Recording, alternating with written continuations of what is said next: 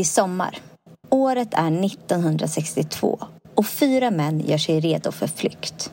Det här är deras livs viktigaste natt och de har planerat sitt flyktförsök länge. De ska bryta sig ut ur sina celler och rymma i en hemgjord flotte gjord av regnrockar. Och var befinner de sig? Jo, på den ökända fängelseön Alcatraz. Det här är 10 minuter en kvart med mig Märta. Och med mig Elias. Det här är en podcast på 10 till 15 minuter som handlar om ett nytt ämne varje gång. Och vad ska vi prata om idag Märta? Ja, nu började jag ju mitt i Alcatraz kanske mest kända händelse. Så det är alltså om Alcatraz och rymningen därifrån, en väldigt känd rymning. Det var nämligen så att det var ett rymningsförsök som, ägde, som än idag är lite av ett olöst mysterium. Men jag tänker att vi tar det hela från början. Spännande! Alcatraz är en liten ö utanför den amerikanska staten, staden San Francisco. Och på ön finns bara några få byggnader. Och det här är liksom inte vilka byggnader som helst utan det består av olika byggnader som tillhör öns mest centrala byggnaden. Och den är den här, det här ökända fängelset. Och på det här fängelset hölls de absolut mest besvärliga och mest flyktingsbenägna fångarna inspärrade. Jag kan tänka mig det. En ö, det känns ju som höjden av svårt att rymma ifrån. Ja, exakt. Och det var precis det man tänkte. Men det lät ju som att det fanns fler byggnader på den här ön. Mm. Alla byggnader som fanns på ön var kopplade till fängelset och i de andra byggnaderna bodde personal eller så var det andra saker som liksom hade med fängelset att göra i de här byggnaderna. Men innan det blev fängelse här så kan man använt, alltså man, ska man använt den här ön som en begravningsplats för den amerikanska ursprungsbefolkningen. Men när erövrande människor kom till Amerika så beslagtog man även den här ön, precis som man tog ifrån de andra landområden. Ja, och hela den historien är ju ett helt annat poddavsnitt. Mm, det håller jag verkligen med om och det tycker jag att vi skriver upp på listan av avsnitt som behöver göras. Men nu är det i alla fall 1930-tal i USA och det är fattiga tider. Det var väldigt stor brottslighet på den här tiden och mycket maffia. Många blev fattiga och många av de här fattiga eh, människorna blev mer eller mindre tvungna att slå sig an med olika kriminella nätverk för att helt enkelt få pengar till överlevnad. Man förstod att ledarna i de här kriminella nätverken och kriminella organisationerna behövde gripas. Och det här behövde göras på ett sätt som skulle avskräcka andra. Men hur? Ja, man kanske kan låsa in dem på en ö. Kanske en fängelseö med ett högt och säkert fängelse där det var helt omöjligt att ha kontakt med sina kriminella gäng på utsidan. Ja, du, du låter som att du resonerar precis som en politiker i USA på 1930-talet. Eh, för det var exakt det som de tänkte, det som du sa. Och 1933 bestämde man att byggnaden skulle bli ett fängelse och det öppnade i augusti 1934. Alla fångar som kom till fängelset fick varsin egen cell och sammanlagt kunde det sitta 300 bovar här. Och cellernas dörrar var gjorda av galler och det var för att vakterna hela tiden skulle ha koll på fångarna. Man undrar ju var det extra farliga vakter också? Mm, alltså extra farliga vet jag inte om det är rätt ord men det var extra pålitliga och de var kända för att de var så duktiga vakter som inte gick att muta eller på något annat sätt få över på bovarnas sida. Eh, och det var dessutom många fler vakter per fånge än på vanliga fängelser. Här var det att en vakt hade koll på tre stycken fångar medan på andra fängelser hade en vakt koll på tio fångar. Eh, Sen hade man gjort en till sak. Det var att fångarna fick inte prata med varandra eh, hela de här första åren som man hade fängelset. Och bröt man mot den regeln så satte man sig, då fick man sitta i en isoleringscell. Vet du vad det är för någonting, en isoleringscell? Ja men det är väl ett, liksom ett helt stängt rum utan fönster som är liksom helt isolerat från omvärlden så man inte kan höra någonting utifrån. Kolsvart, knäpptyst och ingenting alls i rummet. Exakt. Ja, det fanns i och för sig olika grader av sådana här isoleringsceller. Den snällaste varianten, det var den där man fick sitta isolerad från andra eh, och liksom bara instängd i ett rum, typ inlåst i ett rum. Medan det fanns den absolut vidrigaste och där var det liksom helt mörkt. Man fick sitta naken utan liksom filt eller någonting. Det enda, enda som fanns i cellen, det var ett hål i marken. Vadå, ett, ett hål i marken? Toaletten. Åh, oh, fy!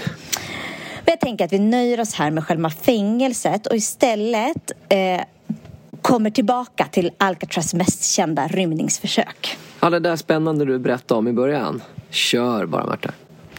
Året var sedan 1962 och de fyra fångarna Frank Morris, bröderna John och Clarence Angeline och Alan West. De slog sina kloka bovhuvuden ihop. Det var nämligen så att Alan West hade upptäckt vissa saker med fängelset. Dels hade han märkt att cellernas betongväggar började vittra sönder. Han märkte också ett tomt område mellan cellen och taket. Och i det här området fanns, som fanns precis ovanför cellerna, eh, liksom där de här fyra rymmarna bodde. Så han insåg att man skulle kunna klättra upp där och sen vidare ut i friheten. Och han berättade det här för de här övriga tre och de började genast arbeta på en flyktplan. Wow! Alltså man måste ändå ge dem att de här är så kreativa ändå. Men hur kom det sig att han berättade för just de här andra tre? Det känns som något man liksom vill hålla lite tyst om där. Mm. Dels så bodde de alla liksom på samma, så att de kunde ta sig ut. Mm. Men även så kände de varandra sedan tidigare för de hade liksom suttit i samma fängelse förut. Så de var kända bovar. Ja, det var därför de hamnade på Alcatraz då. Mm. Men den här planen då? Jag blir ju ruskigt nyfiken på hur de tog sig ut. Ja, så gick det till. I varje cell fanns en säng ett litet handfat, en liten toalett och ett litet bord. Och eh, de, för att liksom inte bli upptäckta så behövde, insåg de att de behövde se ut som att de låg och sov i sina sängar medan de rymde. Så de hade gjort låtsashuvud av cementpulver, såpa, toapapper, lim och hårrester. Och det här skulle liksom lura vakterna att de låg och sov eh, så att de fick liksom lite tid på sig att ta sig från ön. Eh, och dessutom så hade de eh, lyckats göra en gummibåt av faktiskt gamla regnrockar så att de skulle ta sig med den här gummibåten till fastlandet. Okej, okay, men hur fick de tag? Alltså de verkar jätteduktiga på att bygga grejer och kreativa. Mm, ja. Men hur får de tag i allt det här materialet? Mm. Ja, men det, det, alltså kreativa är verkligen ordet man får använda på de här fyra, förutom då eh, rysliga bovar. Det var nämligen så att alla fångar på Alcatraz hade olika arbetsuppgifter.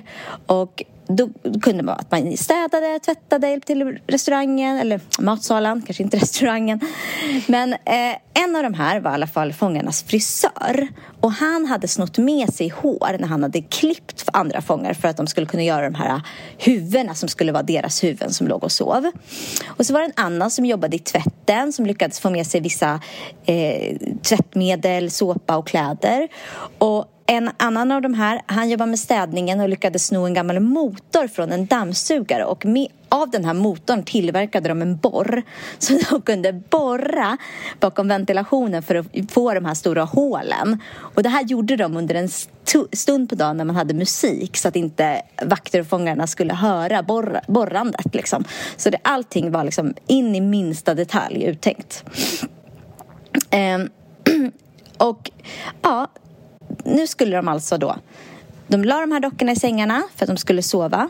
Så lyckades de gräva runt ventilationen och ta sig ut. Och de tog sig igenom ventilationen upp till taket, ner mot stranden, där båten väntade och därefter lämnade de ön.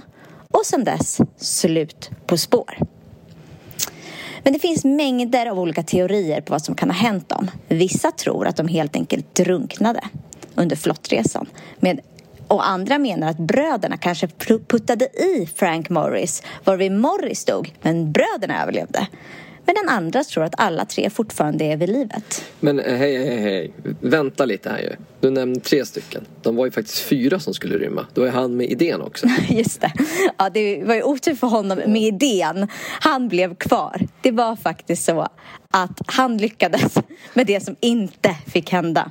Hans hål var för litet, så han kom kom helt enkelt inte ut. Nej, snacka om livstabbe. Alltså, då satt han fast i hålet. ja, eller han kom i alla fall inte, jag vet inte om han satt fast i hålet, men han kom i alla fall inte ut från hålet. ja, ja, men det finns ett mysterium till, förutom då om de har överlevt eller inte, liksom, men som är kopplat till det, som jag tänker avsluta med här. Bröderna, eh, alltså de här bröderna som skulle rymma, eller som rymde, deras mamma dog 1973 och inför begravningen så tänkte polisen i USA så här att om det nu är så att bröderna är kvar i livet så borde ju de verkligen gå på moderns begravning. Så polisen fanns alltså platt, på plats i kyrkan när begravningen var och precis när den skulle börja så steg det in två stycken väldigt långa och liksom manshaftiga kvinnor in i kyrkan. Och polisen blev genast miss, misstänksam och tänkte att det här måste vi kolla upp. Men det passar sig inte riktigt att ta någon, gripa någon på en begravning som kanske dessutom inte ja, är någon tjuv eller så. Så de tänkte vi tar det här efter. Men då... Var de borta? Exakt. Men innan modern dog så ska hon dessutom ha fått blommor hemskickade till sig utan avsändare och, och efter döden så har det kommit blommor till begravningsplatsen. Alltså det är någon som tar hand om begravningsplatsen. Och det kan vara bröderna? Vem vet? Vad tror ni? Alltså, ni som lyssnar. Vi undrar om ni har någon teori om det här?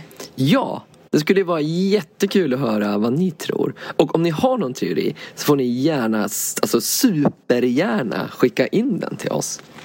Och vi som har gjort den här podcasten heter Elias och Märta. Och det här är en podcast som är gjord i samarbete med vikarielärare. Ni kan hitta podcasten antingen på vår hemsida www.vikarielärare.se Och till den här podcasten finns det också arbetsmaterial som ni kan använda innan, under och efter podden. De hittar ni också på vår hemsida fast i det inloggade läget. Och där loggar ni in med lösenordet vikarielärare med litet v. Podden finns också på Soundcloud, i våra sociala mediekanaler. Där finns vi på Instagram som vikarielärare. Gå in och följ oss. Eller på Facebook där vi finns som vikarielärare. Gå in och gilla våran sida där. På Facebook har vi också gruppen Lärarnas kunskapsbank där ni kan gå in och bli medlemmar. Det rekommenderar jag starkt. Det här var allt för oss. Tack så mycket. Tack, hej. hej.